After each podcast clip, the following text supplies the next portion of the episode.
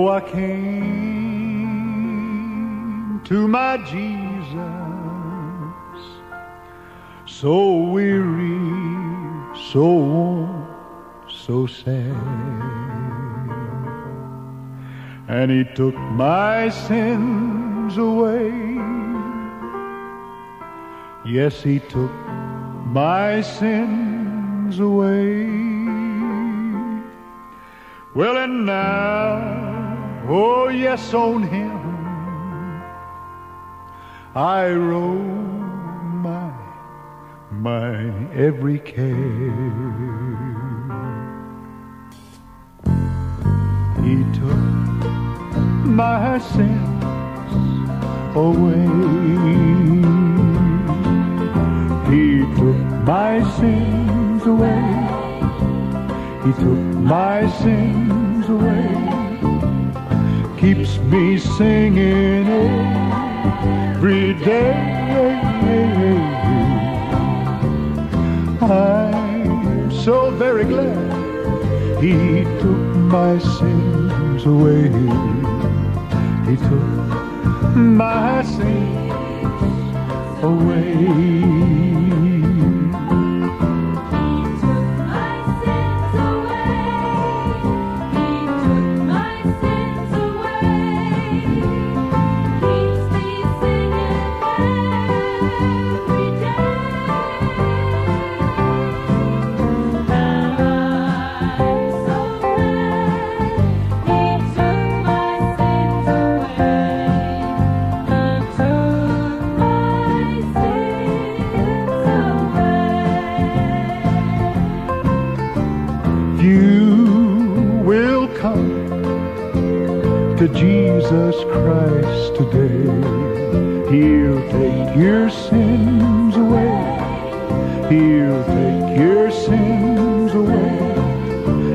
Keep you so very happy in his love each day. He'll take all your sins away. He took my sins away. He took my sins away. Keeps me singing every day. Well, I'm so very glad he took my sins away. He took my sins away.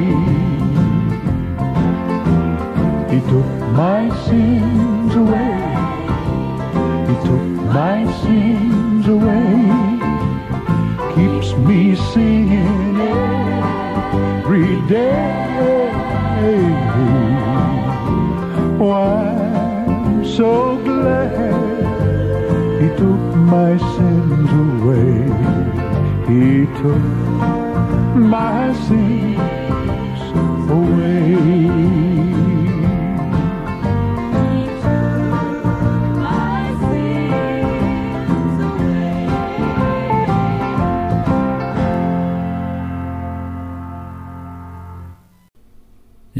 var det en glede for meg, Ivar Helmersen, å kunne ta deg med, kjære lytter, inn i et studie i Bibelen om mennesket.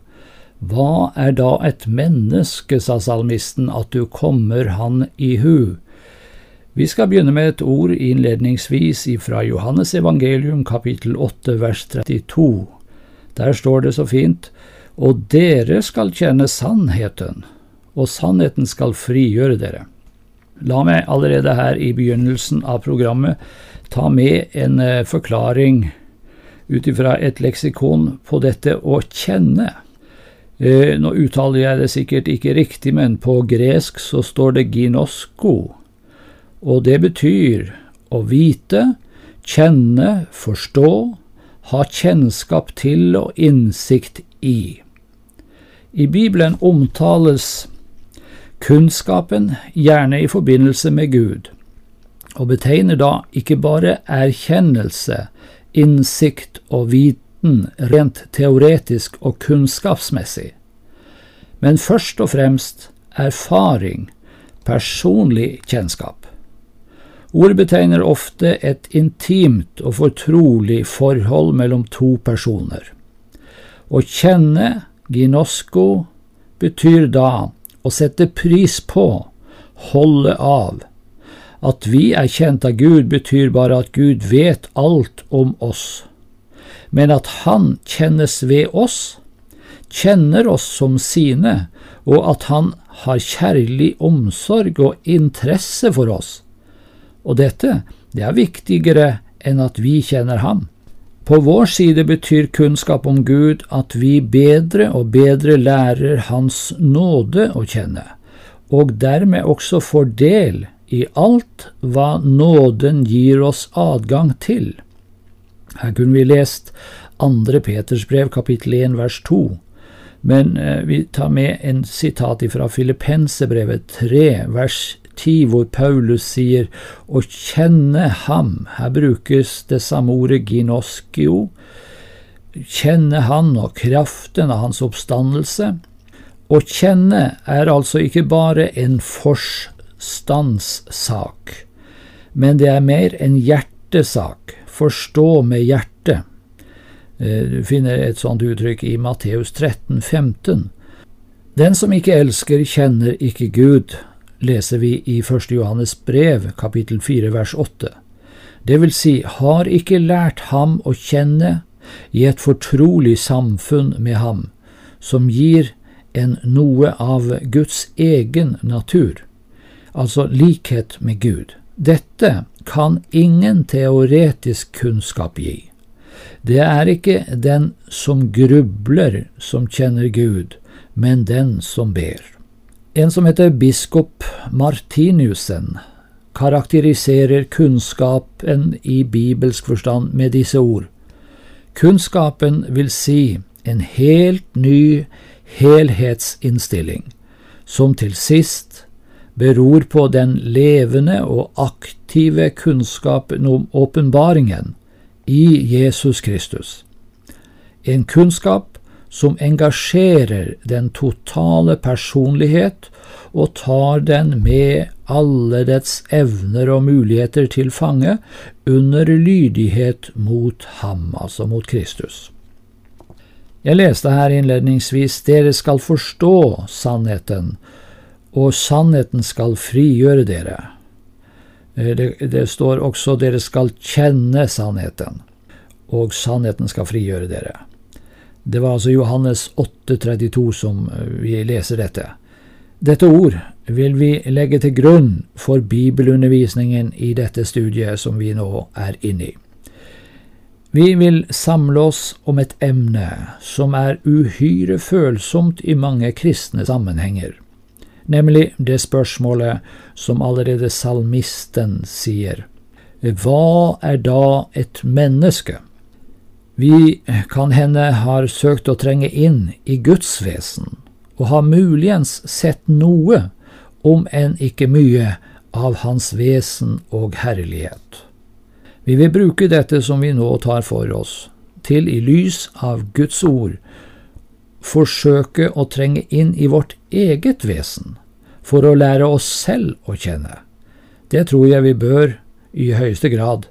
En feil forståelse av oss selv virker bindende og hemmende, akkurat som en feil oppfattelse av Gud gjør. Men derimot, en sann erkjennelse av vårt eget vesen virker frigjørende, nettopp slik som sannheten om Gud og Hans nåde er frigjørende. Det er mange ting om oss selv som vi kunne se på. Vi kunne betrakte menneskets ånd, sjel og legeme, og det skal vi i dette studiet.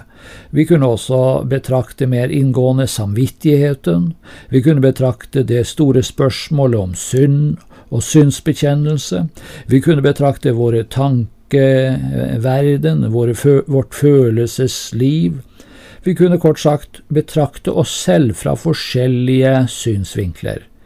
Men selv om vi ikke kommer inn på alt dette i sin helhet, skal vi betrakte ganske kort menneskets ånd, sjel og legeme. Vår bønn er da at vi må kjenne sannheten, så den kan frigjøre oss. Amen. Vi vil nå forsøke å danne oss et overblikk over mennesket som sådant, med utgangspunkt i Bibelens lære om at et menneske består av ånd, sjel og legeme. Menneskets ånd skal vi se litt på først. Det første Bibelen lærer oss om mennesket, er at det er skapt i Guds bilde. Det leser vi i Første Mosebok kapittel 1 vers 27. Av det forstår vi at det første Bibelen lærer oss om oss selv, er at vi har en ånd. Gud er nemlig ånd, sier Johannes evangelium vers 24. Derfor må vi som er skapt i Hans bilde, også ha en ånd. Her begynner sannheten om mennesket. Men denne sannheten er skjult for mange. Det er ikke en sannhet som Gud har skjult for oss. Nei, for ordet taler tydelig om det. Dere skal forstå sannheten, eller som vi leste, dere skal kjenne sannheten, og sannheten skal frigjøre dere. Det var det løftet som vi leste innledningsvis her i Johannes 8, 32. Dette ord, som sagt, vil vi legge til grunn for bibelundervisning i det vi nå tar for oss. Vi vil samle oss om et emne som muligens er uhyre forsømt i mange kristne sammenhenger, nemlig det spørsmål som alt sagt eh, salmisten stilte seg, hva er da et menneske? Dette står jo i Salme 8 vers 5. I Ordspråksboken så står det i det 20. kapittel der, vers 27, der heter det at menneskets ånd er en Herrens lampe som ransaker alle hans indre kamre. I Romerbrevet 8,16 har vi alle kristnes erfaring beskrevet med disse ord. Ånden selv vitner med vår ånd at vi er Guds barn. I første Korinterbrev kapittel 2 vers 11 sies det omtrent det samme som i Ordspråksboken 2027, nemlig at intet menneske vet hva som bor i mennesket uten menneskets ånd som er i ham. Og vi har også et uttrykk som er veldig klart i 1. Tessalonikerbrev 5.23, der Paulus sier uttrykkelig at mennesket består av ånd, sjel og legeme. Det blir således slått fast at mennesket, som er skapt i Guds bilde, er et åndelig vesen og altså besitter en ånd. Hvordan denne ånden er, skal vi komme tilbake til seinere, men først vil vi søke å lære ånden å kjenne ved å betrakte noe av menneskeåndens egenskaper. Menneskeånden har kunnskap.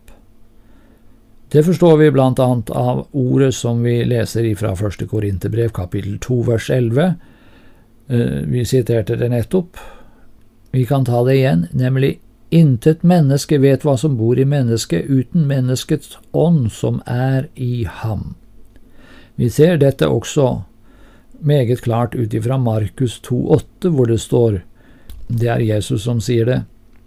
Der står det Straks merket Jesus i sin ånd at de tenkte slik ved seg selv, og han sa til dem, Hvorfor tenker dere slikt i deres hjerter? Og det kommer klart fram av mange andre steder i Skriften, og fra dette forstår vi at vår ånd har en egenskap som man ellers kunne tillegge sjelen, nemlig evnen til å samle kunnskap og innsikt. Men vår ånd har andre egenskaper, den har også evne til å føle.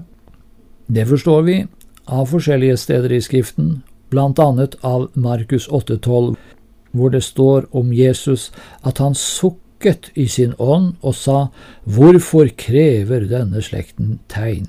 Han sukket i sin ånd. I Johannes 11, 33 står det, Da når Jesus så henne gråte, og så jødene gråte som var kommet sammen med henne, ble han opprørt i sin ånd og rystet. Opprørt i sin ånd. Hvis du går igjennom Bibelen med dette for øye, vil du se at Ånden er i stand til å glede seg, til å bedrøves, til juble og sukke, fryde og bekymring. At den kort sagt inneholder det bredeste tenkelige følelsesregister, noe vi bør være oppmerksom på når vi taler om følelseslivet. Der tales noen ganger nedsettende, ja foraktelig, om følelsene, som om de i seg selv var noe uåndelig og skadelig. Det behøver de aldeles ikke være. Bibelen lærer oss at Gud, som er ånd, har et rikt følelsesliv, og at vi, som er skapt i Hans bilde, også rommer rike følelser i vår ånd. Derfor er følelsen i seg selv ikke noe galt. Det avgjørende er jo at de får sin rette plass og utfolder seg på den rette og sunne måten. Men Skriften vitner også om at vår ånd eier en vilje. Det er mulig å beslutte noe i ånden, med andre ord å treffe en viljesbeslutning i ånden. Dette kjenner alle sanne kristne mer eller mindre, vil jeg tro. Denne korte undersøkelsen av hva Bibelen sier om menneskets ånd, har straks gitt oss et lys som er helt forskjellig fra vår egen oppfattelse av disse ting. Mange kristne mener at disse egenskapene vi her har betraktet, utelukkende hører sjelen til, men Bibelen lærer noe annet, og vi gjør vel i på et slikt viktig område og ikke la oss bli ledet av menneskelige meninger om dette. Altså, det vi har sett, er at vår ånd har egenskaper som kunnskap, innsikt, følelser og vilje. Da tror jeg det kan passe at vi lytter til en sang, og etter sangen så skal vi gå inn og se på det som har med sjelen å gjøre.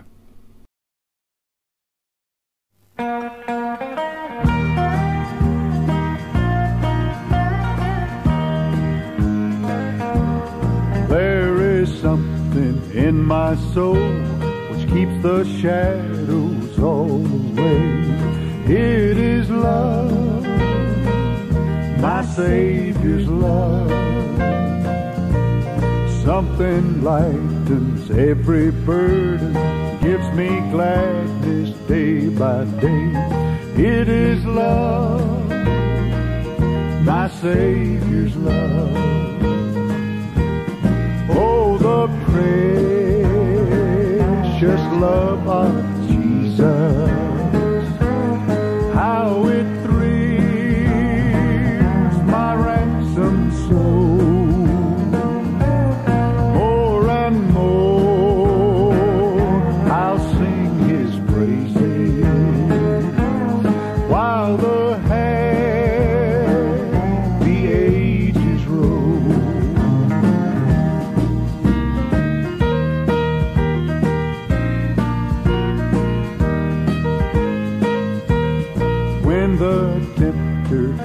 To win me, something keeps me true and strong. It is love, my Savior's love. Something draws my soul to heaven, that sweet land of peace and rest. It is love, my Savior's love. Oh, the precious love of Jesus.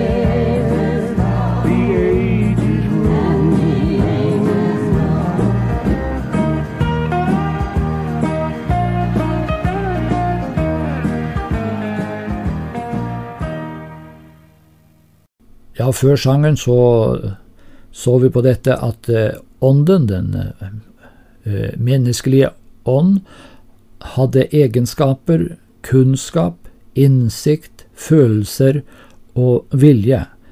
Men hva da med sjelen, har den ikke også kunnskap, følelser og vilje? Jo, sannelig har den det. Det vitner Skriften klart om, og det stemmer jo også med eldgamle psykologiske iakttagelser, og samt vår egen erfaring, ikke sant? Sjelen har en forstand, og har derfor viten og kunnskap.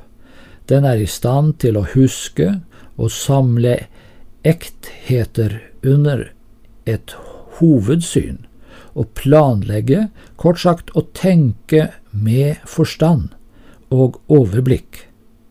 Ønsker du et bibelord for dette, kan du for eksempel lese Klagesangen 3, vers 20, hvor det står Min sjel må stadig tenke på det, og er nedbøyd i meg. At sjelen rommer mange følelser, vet vi alle. Marias lovsang begynner slik i Lukas 1, 46. Og Maria sa, Min sjel, opphøy Herren. Og mangfoldige andre steder er sjelens følelser beskrevet eller antydet i Skriften. Det behøver vi ikke gå nærmere inn på. Endelig så rommer sjelen evnen til å treffe beslutning, til å si ja eller nei med andre ord en vilje. Heller ikke det behøver vi dvele lenge ved. Det er vel kjent av alle, vil jeg tro. Er ånden og sjelen det samme? På denne måten synes vår undersøkelse av hva ånden og sjelen i mennesket er, å ha ført oss til det resultat at det er ett og det samme, to uttrykk for samme sak. Hvis dette er riktig, skulle mennesket altså være et todelt vesen, bestående av legeme og sjel.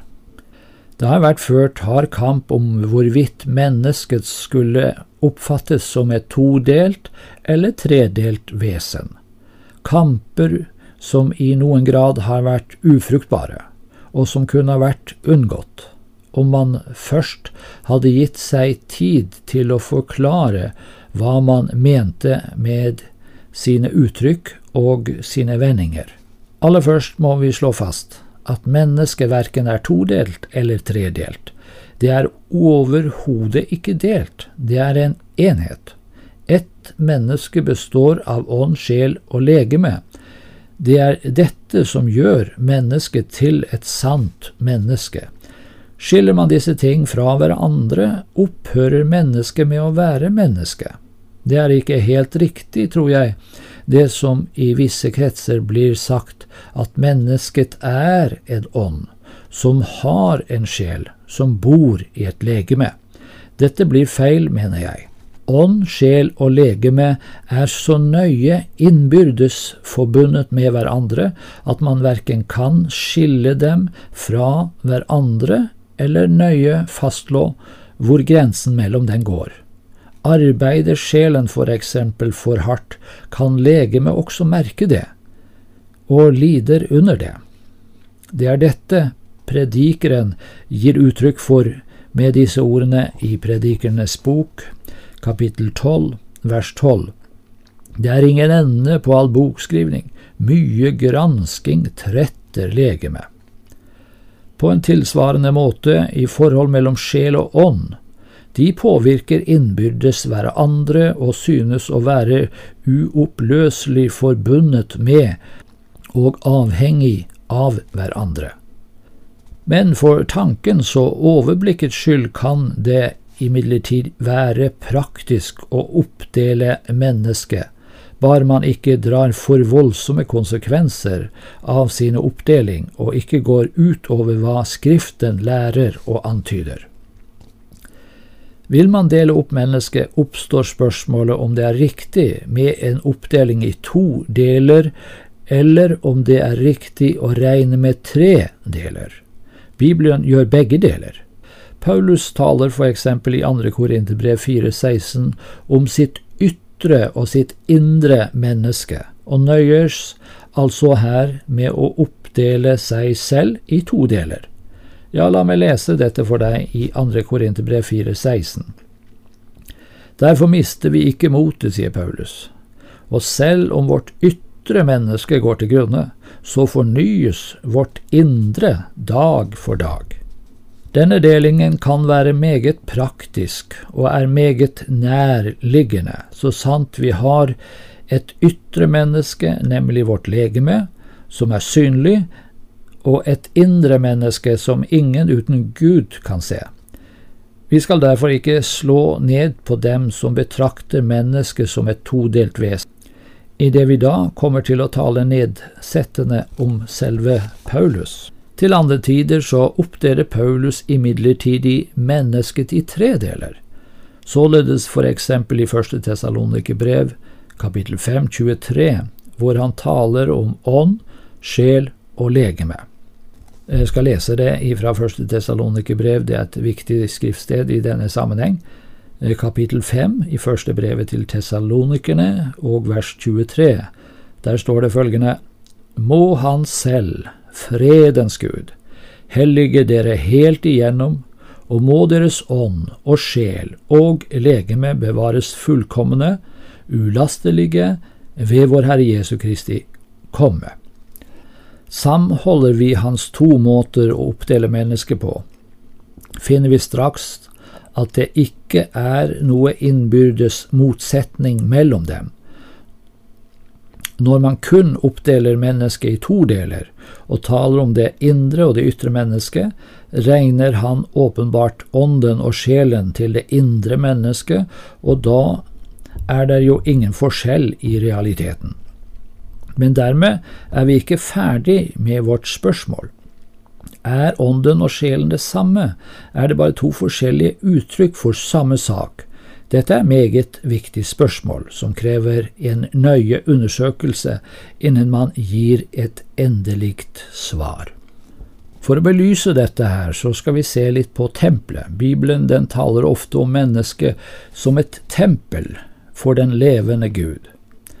Andre Korinterbrev kapittel 6 vers 16 sier Paulus eksempel, Vi er jo den levende Guds tempel. Dermed så leder Skriften vår tanke hen til det gammeltestamentlige tempel, som mange av lytterne sikkert kjenner til.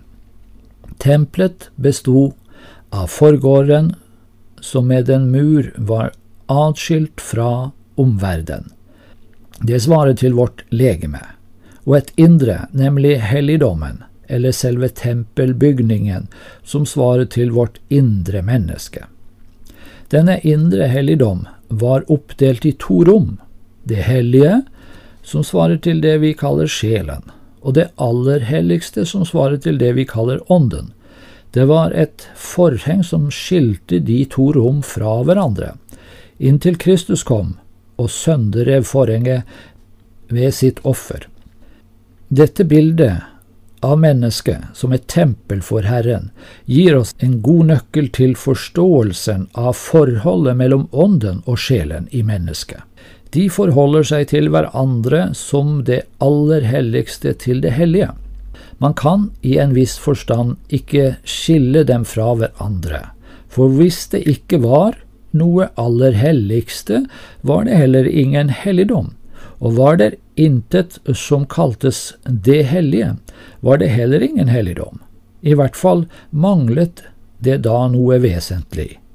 Allikevel bør man for klarhetens og sannhetens skyld skjelne mellom det aller helligste og det hellige. På tilsvarende måte må man i mennesket skille mellom ånd og sjel. Da lytter vi til en sang så skal vi gå videre i denne vår betraktning.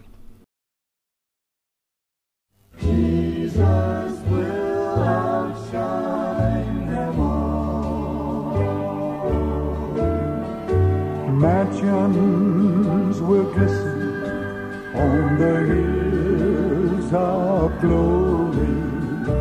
Happy reunions on streets of gold.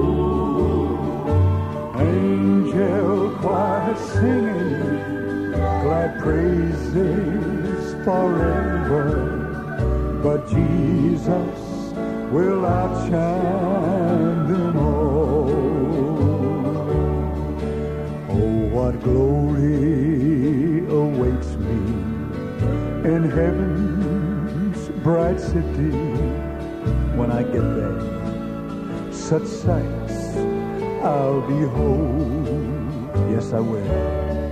A million gems of rare beauty will demand that I view them, but Jesus will outshine them all. Yes, He will. The sparkling river is flowing, happy faces glowing. It'll be a land of splendor where night never falls. The golden glass gives reflection in that city's perfection. But my Jesus will outshine them all. Merchants will glisten on the of glory. Happy reunions on streets of gold. Angel choir singing glad praises forever. But Jesus will outshine them all.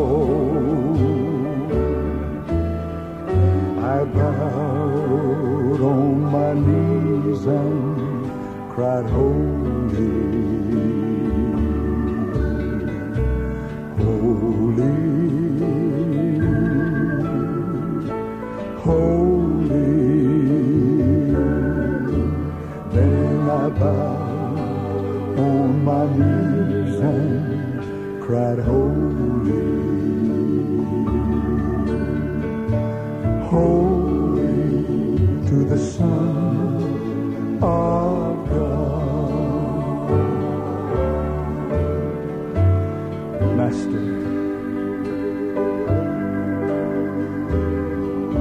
Want to just say to you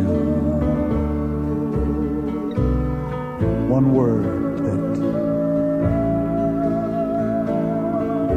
means so much. Let me bow my knees and cry holy. Holy to the Son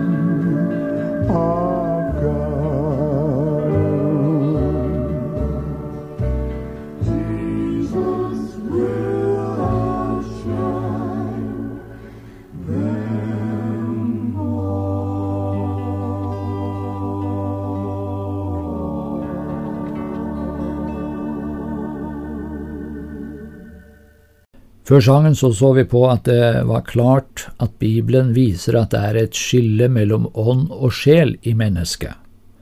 Dette skillet mellom ånd og sjel i mennesket kommer under tiden tydelig fram i Bibelen, for eksempel i det vi har lest i 1. Tessalonikerbrev 5.23. Til andre tider kommer det ikke så tydelig fram. Det gjelder for eksempel skapelsesberetningen, som man ganske naturlig tyr til når man søker klarhet over dette forholdet. Men er ikke adskillelsen mellom ånd og sjel tydelig? I skapelsesberetningen så er den likevel antydet, og ikke til å ta feil av for den som leser skapelsesberetning med det øvrige bibelske åpenbaringsstoff i minne. Vi ser i Første Mosebok kapittel 21 vers 26 og vers 27 at Gud skapte mennesket i sitt bilde. Av dette forstår vi med logisk konsekvens at Gud ga mennesket en ånd, så sant han selv er en ånd. I Første Mosebok kapittel 2 vers 7 lærer vi hvorledes Gud gav mennesket en ånd. Der leser vi at Gud dannet menneskets legeme av jordens muld og blåste livsens ånde i hans nese. Vel, la meg lese det for deg. Første Mosebok 2,7. Gud Herren formet mennesket av jordens støv og blåste livsens ånde i hans nese, og mennesket ble til en levende sjel. Altså ved å blåse noe av seg selv inn i det livløse legemet, fikk dette legemet en ånd, en personlighet fra Guds ånd, som er udødelig og evig uberoende om man er frelst eller ikke. På denne måten ga Gud mennesket en ånd. Menneskeånden er altså ikke skapt, men resultatet av at Gud blåste livsens ånde i mennesket. Vi leser derfor heller ikke noen sted at menneskets ånd er skapt av Gud, eller at Gud er åndenes skaper. Han kalles tvert imot for åndenes far. Det står det i Hebrebrevet 12,9. I den betydning er alle mennesker Guds barn, således som Paulus også sier til atenerne i Apostelens gjerninger kapittel 17, vers 28 og 29, hvor han godkjenner hedenske dikteres ord om at vi alle er av Guds ett. Ja, det er vi alle, så sant vi alle har fått vår ånd fra ham. Men dermed var ikke det sagt at vi alle er frelst og er Guds barn i den forstand. Nei, da må man fødes på ny. Da Gud blåste livsånden i det legeme som han hadde bygget av jordens muld, ble mennesket et levende vesen, altså en levende sjel. Første Mosebok 2,7. Da den av Gud innblåste ånd berørte det av jorden skapte legeme, oppsto sjelen som et slags bindeledd mellom ånd og stoff. Paulus sier kort og godt at det første mennesket, Adam, ble en levende sjel. Første Korinterbrev 15 vers 45. Det skilles således i Bibelen mellom ånd og sjel som to forskjellige, innbyrdes knyttet sammen, men dog adskilte deler av menneskets indre. En adskillelse vi bør legge merke til og lære å kjenne i vår egen erfaring. Denne adskillelse leder oss til å spørre hvorledes ånden og sjelen fungerer, med andre ord hva de skal brukes til. Heller ikke her lar Bibelen oss være i tvil om svaret. Vi så innledningsvis at både ånden og sjelen har forstand, følelser og vilje, og vi har nå sett at vi ikke kan slå de to ting sammen og si at de er ett og det samme. Hva er da forskjellen imellom dem? La oss atter vende tilbake til vårt bilde av mennesket som et tempel for Herren. Ånden svarer til det aller helligste, og det er det innerste og det dypeste i mennesket, den delen i mennesket som er vendt imot Gud. Slik som Gud bodde over nådestolen mellom kjerubene i det aller helligste, vil han ved sin ånd bo i vår ånd. Den forstand, følelse og vilje menneskets ånd råder over, blir derfor en forstand følelse og vilje på et langt dypere eller langt høyere plan enn den sjelen råder over. Det blir, når det er, som det skal være, en sann åndelig forstand. Man burde her anvende ordet visdom eller innsikt, eller vi kunne også bruke ordet intuisjon. En sann åndelig følelse, en sann åndelig vilje, og besluttsomhet, et hellig initiativ. Sjelen svarer til det hellige. Den makter ikke å gå så dypt eller så høyt som ånden, med sin forstand, sin følelse og vilje. Den kan ikke få en direkte forbindelse med Gud som er ånd. Det er heller ikke dens oppgave. Dens oppgave, altså sjelen, er ikke så mye vendt mot skaperen som mot det skapte. Med sin forstand gjennomforsker sjelen skapningen.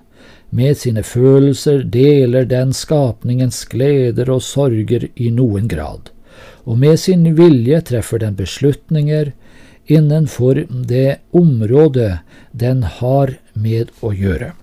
Denne sammenligningen her mellom ånd og sjel i menneskets indre lar oss forstå at det er ånden som bør være den styrende.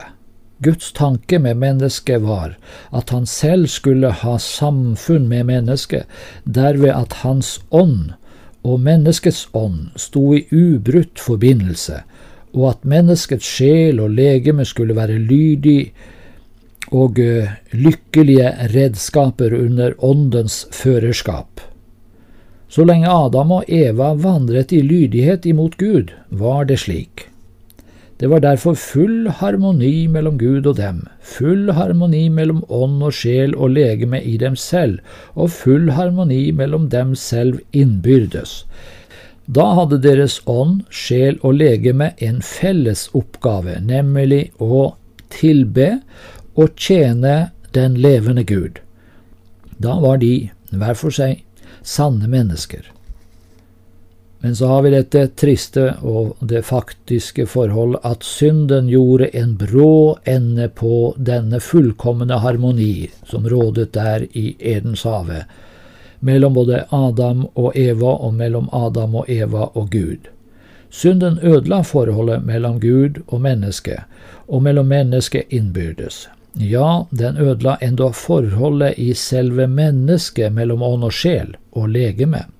Alt ble disharmonisk, ut av balanse. Djevelen, som eh, vi kjenner som den gamle slangen, hans fristelse var av en åndelig, sjelelig art. Kunnskapens tre om godt og ondt sto i haven, vet vi, og Gud hadde forbudt mennesket å spise av dets frukt. Betyr det også at Gud hadde forbudt mennesket å vokse i kunnskap? Nei, det er klart, det betyr det ikke, langt derifra. Det var Guds vilje at Adam og Eva skulle vokse i kunnskap, men ikke ved å spise av kunnskapens tre, på godt og ondt. Hans vilje eh, til økt kunnskap var en annen. Kunnskapens tre, på godt og ondt, hørte med til skapningen. Med andre ord, det området den sjelelige forstand beskjeftiger seg med. Hvis mennesket spiste av det, fikk sjelen en innsikt og en viten som ikke sto i noe rimelig forhold til den innsikt og viten ånden rådet over. Sjelens viten ville da bli altfor stor i forhold til menneskets åndelig innsikt. Sjelens viten ville da bli altfor stor i forhold til menneskets åndelige innsikt. Derfor så ville Gud ikke tillate at de spiste av dette kunnskapens tre. Han ville gi dem viten og innsikt på en helt annen måte, nemlig først og fremst gjennom Ånden. Hvis de vandret i lydighet med ham, ville deres åndelige forståelse og innsikt, deres visdom, vokse tilsvarende, og det lys de da mottok i deres ånd fra Gud, ville også gi lys til deres sjelelige forstand, så den under åndens lys kunne utforske skapningen og vokse i viten og forståelse i takt med deres vekst i åndelig innsikt og forståelse. En sådan vekst i åndelig og sjelelig forståelse var Guds hensikt. Den vil aldri vært stagnert. Den vil ha ført mennesket fra innsikt og viten til økt innsikt og økt viten, og vel å merke således at den aldri var kommet noe disharmonisk inn i forholdet mellom Gud og mennesker, eller i forhold mellom mennesker innbyrdes. En slik vekst i forståelse og innsikt som resultat av en vandring med Gud ville ha bevart ånden, sjelen og legeme på deres rette plass og i deres rette innbyrdes forhold. Ånden som den styrende og ledende, sjelen som åndens glade redskap og talerør, som meddelte legemet hva det skulle utføre og sette i verk. Her var det Satan satte inn med sin fristelse. Han appellerte til sjelen i menneskets indre, og tilbød den et lys, en viten langt utover hva den, altså sjelen, etter hans mening, altså etter Satans mening, kunne få hvis de forble i sin underordnede stilling som lydige talerør og instrument for ånden. Ja, hør hva Første Mosebok kapittel 3 vers 5 sier. Men Gud vet, altså det er jo Satan som taler her, men Gud vet at den dag dere eter av det, dette er altså Satan som sier, vil øynene deres åpnes, dere vil bli slik som Gud og kjenne godt og ondt. Ja, da kunne det vel kanskje passe med en sang og så skal vi se litt etter sangen på fallet og følgene av det.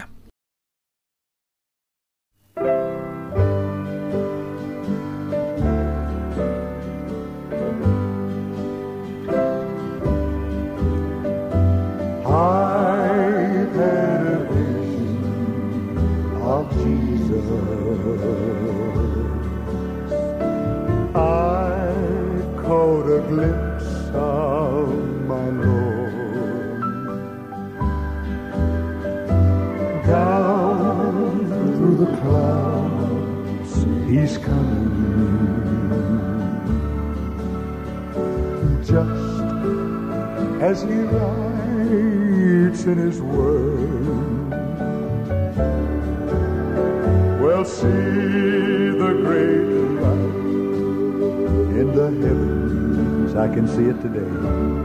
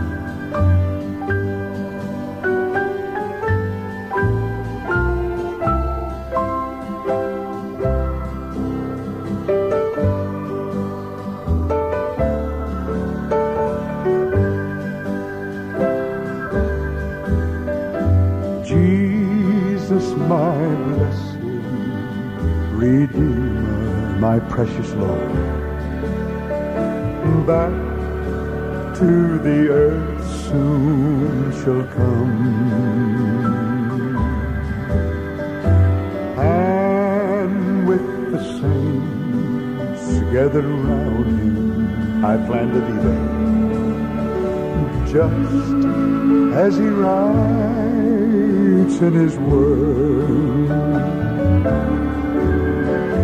Oh, what a day of rejoicing. Glorious praises will roll. Yes, they will. I had a vision of Jesus, oh my precious Jesus. It's thrilling and filling my soul. I've had a vision of Jesus. It's thrilling and filling my soul.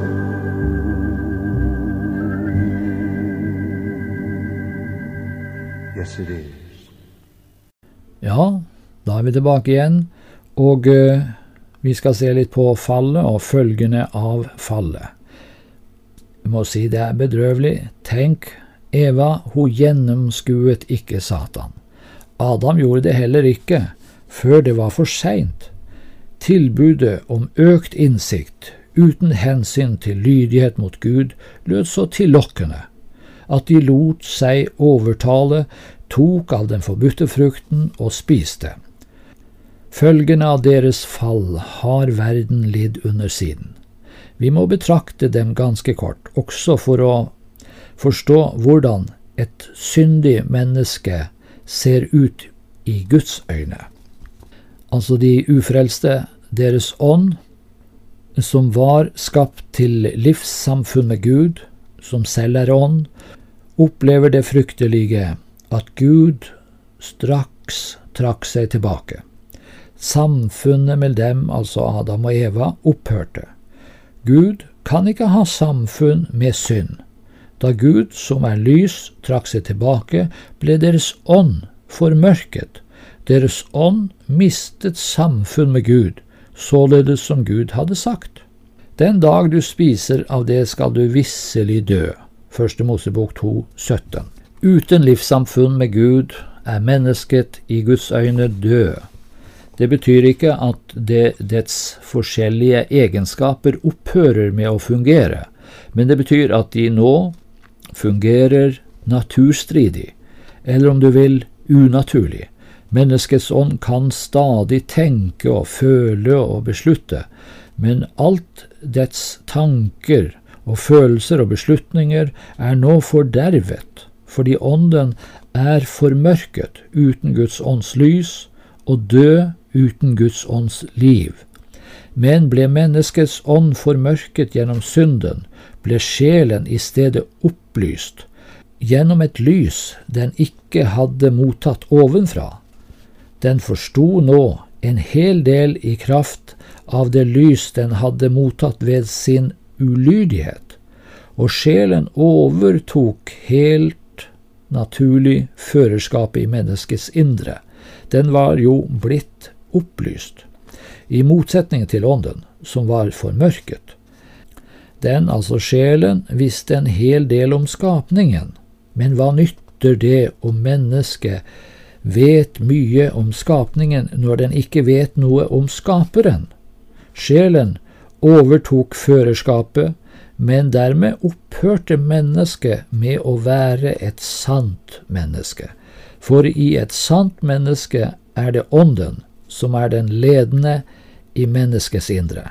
Så nå var det den sjelelige forstand, den sjelelige følelse og den sjelelige vilje som hadde det avgjørende ordet, mens ånden i menneskets indre vansmektes og ble fortrengt til det ugjenkjennelige. Og legemet, ja, det ble nå sjelens lydige instrument, og da sjelen hadde gjort seg til syndens instrument, sank legemet hurtig ned til å bli en syndens tjener. Det tror jeg ikke vi behøver å skildre så mye nærmere. Og hvor forandret, hvor skjønt alt var før syndefallet ble et faktum, og hvor formørket og disharmonisk det ble etter fallet. Mennesket er nå helt igjennom preget av å være en fallen skapning. Mye er tapt, men Gud være lovet, ikke alt. Mennesket falt dypt, men det falt ikke utenfor frelsens muligheter. For dets fall var en følge av en fristelse, det var ikke et resultat av kall og beregnet overlegg. Mennesket ble rett og slett overrumplet men det kan frelses, takk og lov. Møter du i dag et ufrelst menneske, ser det altså slikt ut.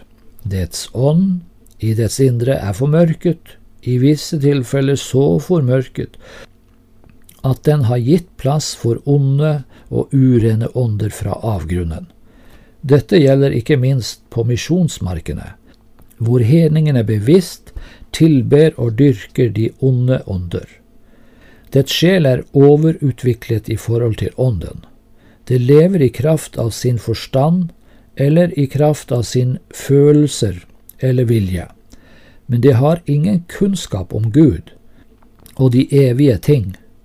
Dets legeme er dødelig, under tiden et bytte for alle mulige drifter og lidenskaper, som det ikke har under kontroll. Så dypt er mennesket sunket, altså. Det er nesten ukjennelig som menneske. Det skal intet mindre enn en guddommelig innsats til for at det kan bli gjenopprettet og frelst. Jesus kom for å søke og frelse det fortapte. Vi har nå sett litt av hvordan et fortapt menneske ser ut. Det gir oss en bakgrunn for å forstå hva som skulle til for å frelse oss. Jesus kalles den siste Adam i 1. Korinterbrev 15, vers 45. Ved dette lar Bibelen oss forstå at han, altså Jesus, reiste opp igjen det som den første Adam hadde tapt ved fallet. Men Jesus Kristus førte mennesket lengre enn bare gjenopprette fallet. Vi ble satt i det himmelske med ham.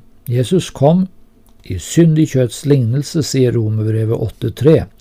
Altså vel å merke ikke i syndig kjød, men i syndig kjøtts lignelse. Gresk så heter det i syndens kjø, kjøds likhet. Ja, dette er viktig å se. Det som Romerbrevet 8 sier, er i en gestalt som lignade syndiga människor, står det på svensk. En annen sier Kristus kom i et legeme som var likt andre mennesker for så vidt som det bestod i kjød, og var ulikt for så vidt som kjødet ikke var syndens kjød. Altså, som Adam, altså nå tenker jeg på Jesus, som den siste Adam, hadde han, altså Jesus, ingen synd i seg. Han fikk del i kjød og blod sånn som vi. Dette sier Hebrebrevet 2,14. Når vi leser Hebrebrevet 4, vers 15, som sier For vi har ikke en ypperste prest som ikke kan ha medlidenhet med oss i vår skrøpelighet, men en som er prøvd i alt i likhet med oss, men uten synd. Jeg har sett litt akkurat på den siste delen av dette verset. Dette ordet 'uten synd' blir i vanlig forstand forstått som det at eh, Jesus ble fristet som oss i alle ting, også i synd, men han seiret. Det er for så vidt riktig at Jesus ble fristet som oss, men trykket ligger på at Jesus ble fristet bedre oversatt prøvd i alt, uten i synd. Der ble han ikke prøvd, og der kunne han ikke bli fristet eller prøvd, altså til å synde. Det var ikke mulig at Jesus, den syndefrie, kunne bli fristet til synd, av den grunn at fristelsen til synd skjer fordi vi har en fallen natur som gir gjensvar på fristelsen fra utsiden. Altså som Jakobs brev vers 1.14 sier, men enhver som blir fristet, dras og lokkes av sin egen lyst. Dette var ikke tilfellet for Jesus. Han visste ikke av synd, sier 2. Eh, Korinterbrev 5.21. Han som ikke gjorde synd, 1. Peters brev 2.22. Synd er ikke i ham, 1. Johannes brev 3.5. Hvem av dere, sa Jesus, kan overbevise meg om synd? Johannes evangelium 8,46. Denne verdens fyrste kommer, sier Jesus, og han har ikke noe i meg. Johannes 14, 30. Han som ikke visste av synd, i en viss forstand var Jesu forhold langt vanskeligere enn Adams, idet han i motsetning til den første Adam hadde en fiendtlig og fallen menneskehet imot seg. Bibelen sier i Hebrebrevet 12,3 han som utholdt en slik motstand fra syndere. Dette opplevde ikke den første Adam. Vel, dette var det mye mer å si om, men vi får bare det, la dette ligge. Jesus han gjenopprettet det Adam mistet i fallet. Paulus sier i Efeserbrevet 2, vers 5 og 6, at Gud gjorde oss levende med Kristus, vi som var døde ved våre overtredelser. Av nåde er dere frelst. Han oppvakte oss med ham og satte oss med ham i himmelen, i Kristus Jesus. Vel, vi vender bare tilbake til emnet igjen, da. I Jesus ser du mennesket som det bør være, som det er tenkt av Gud. Jesus er på en måte det normale mennesket. Alle vi andre er unormale. Hans ånd, sjel og legeme sto alltid i harmonisk samarbeid med ånden som det styrende for å gjøre Guds vilje i smått og i stort. Det er vidunderlig å betrakte Jesu liv. Han fristes som Adam, men sto fast. I ørkenen søkte Satan å få Jesus til å oppgi åndens avhengighet av Faderen, og la sjelen overta ledelsen, så dens forstand og følelse fikk det avgjørende ordet. Hvorfor ikke gjøre steiner til brød når man er sulten? Er det noe ulovlig i det? Nei, absolutt ikke, hvis man spør sjelen til råds. Men ånden lytter til hva Gud sier og får derfor en helt annen oppfattelse av hva som er syndig eller ikke. Jesus levde alltid avhengig i sin ånd av Faderen, og kunne aldri bli overtalt, overlistet eller på noen annen måte, men Ånden lytter til hva Gud sier, og får derfor en helt annen oppfattelse av hva som er synd eller ikke synd. Jesus han levde alltid avhengig i sin ånd av Faderen og kunne aldri bli overtalt, overlistet eller på noen som helst måte bli fristet til synd. Det rådet en absolutt harmonisk enhet som ikke kunne brytes mellom han og Faderen. Derfor kunne han ikke falle. Hvor Adam falt. Adam var skapt, Kristus var uskapt, og det heter om Jesus da han kom inn i menneskeheten. Vi leser det i Lukas 1, 35, hvor det står så fint. Engelen svarte og sa til henne, altså Maria, Den hellige ånd skal komme over deg, og den høyestes kraft skal overskygge deg. Derfor skal også det hellige som blir født, kalles Guds sønn. Han var altså hellig før han ble født inn i slekten. Derfor er hans liv så skjønt, så sant menneskelig. Han viser oss det som Gud har tenkt for mennesket fra begynnelsen. Derfor var hans indre, både ånd og sjel, alltid som et helligdom for Gud, med et aller helligste og et hellig rom. Og derfor var hans legeme alltid som en glad tjener som utførte Guds vilje, hans vesen var et uoppløselig, harmonisk hele, som virket sammen på å tilbe og tjene Gud. Alt dette ble gjort av Jesus for oss. Han oppga ånden, leser vi i Johannes 12, 30. Han uttømte sjelen i døden, Jesajas 53, 12. Han ofret sitt legeme for oss, 1. Korinterbrev 11, 24. Han ble et heloffer for verdens synd. Sannelig, han er verdens frelser.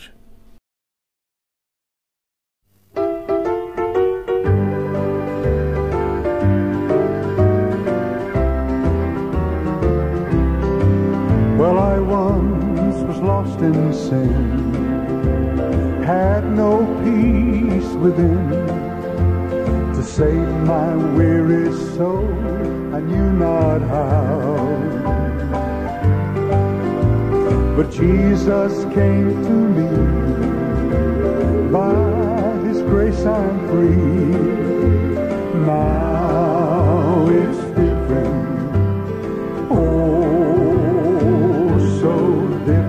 now. It's different now. Since Jesus saved my soul.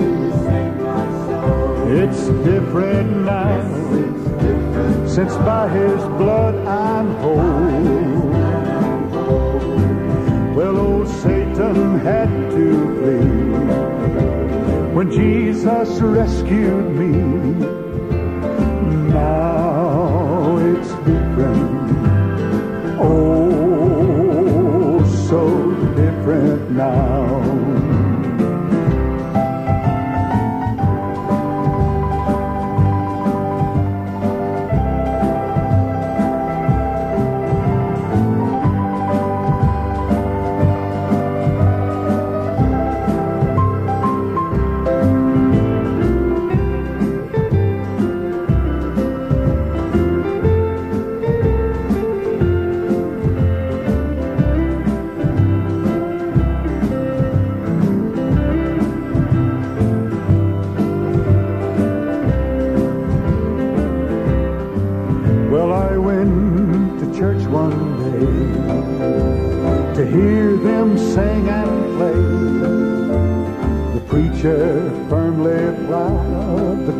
gospel. You know what he said?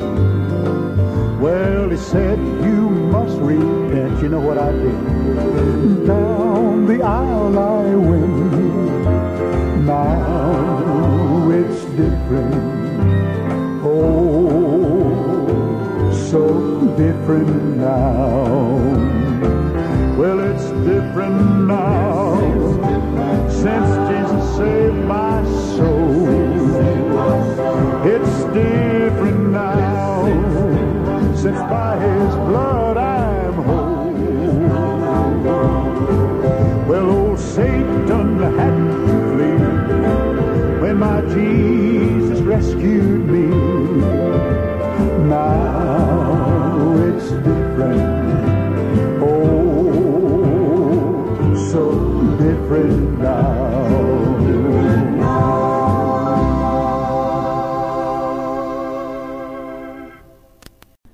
Da skal vi eh, gå imot avslutning av denne sendingen, og vi skal se litt på dette som har med frelsen å gjøre. Og vi kan stille oss tre spørsmål. Hva har han utrettet, altså Jesus? Hvordan får vi del i hans verk?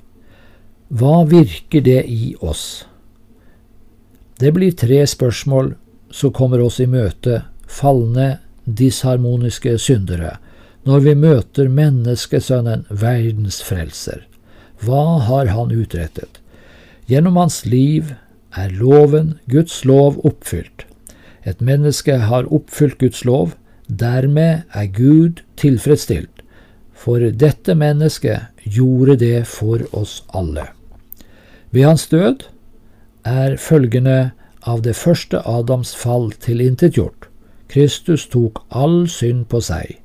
Selv var han ikke delaktig i det første Adams fall, derfor kunne han, frivillig, ta all synd på seg. Og det gjorde han uten å vike tilbake. For selv om resultatet var Guds straff over synden i hele dens uhyggelige omfang, ved hans død er all verdens synd sonet, og alle syndere døde. Merk dette, all synd er sonet, og alle syndere er i Guds øyne døde. Kristus døde i stedet for oss. Dermed er våre synder sonet. Han døde også i vårt sted. Dermed er vi døde. Med Kristi død er den første Adam og hans slekt for evig død i Guds øyne. Hvilket evangelium!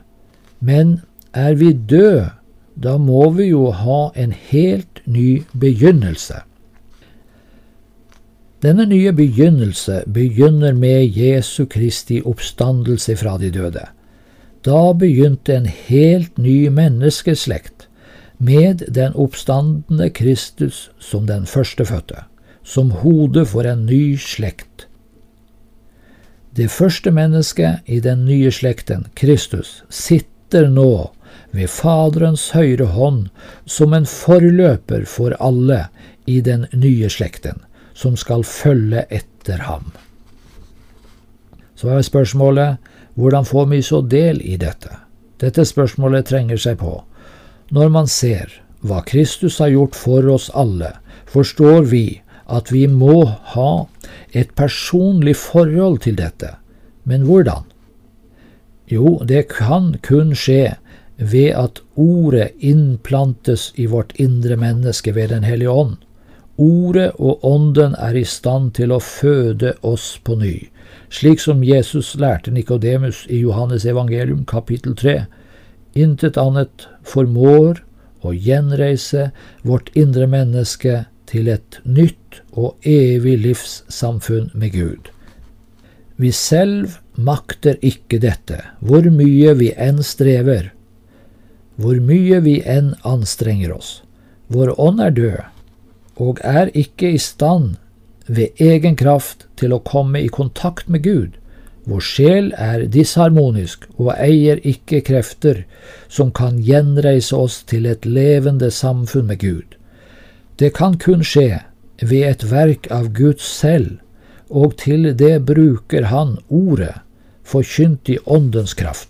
Hør, når Guds ord blir mottatt i ydmykhet, begynner det straks et verk i menneskets indre.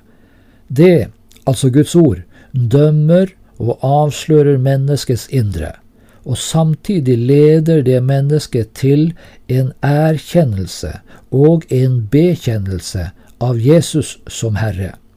En personlig forbindelse med den levende Frelser er da et faktum.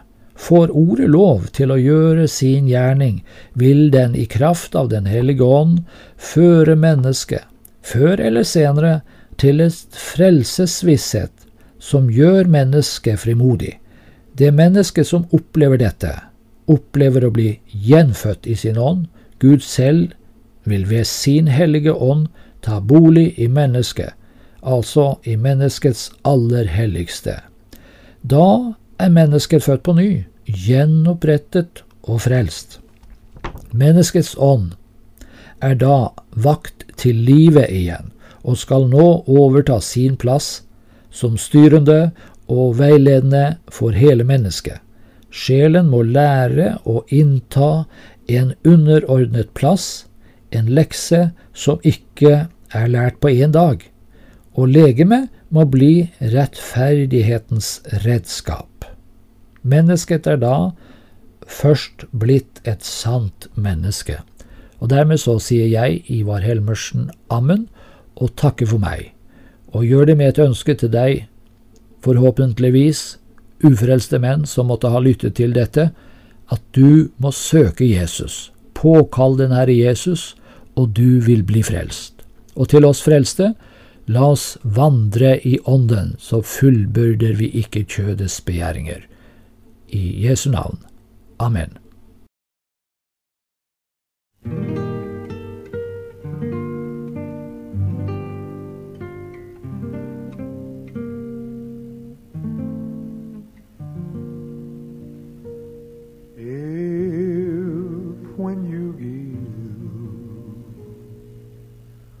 The best of your service, telling this cold world that our Savior has come. Be not dismayed when men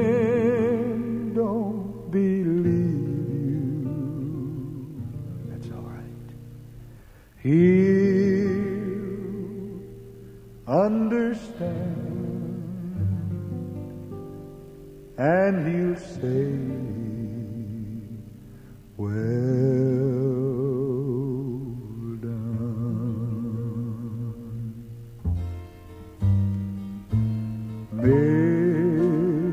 Misunderstood the Savior of sinners hung on that cross. He was God only son. Yes, he was. Oh, hear him call to his father up in heaven. Let not my will, but thine.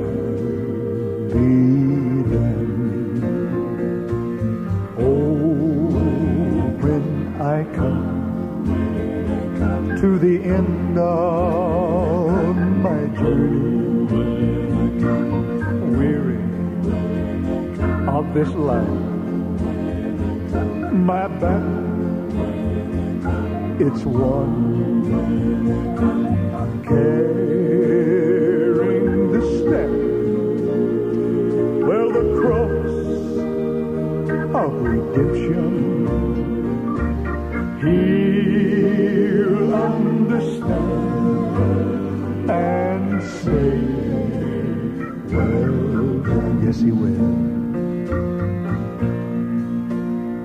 if you try, you fail. You're trying. Those hands are sore and scarred from the work you've begun. Go ahead, take up your cross. Run quickly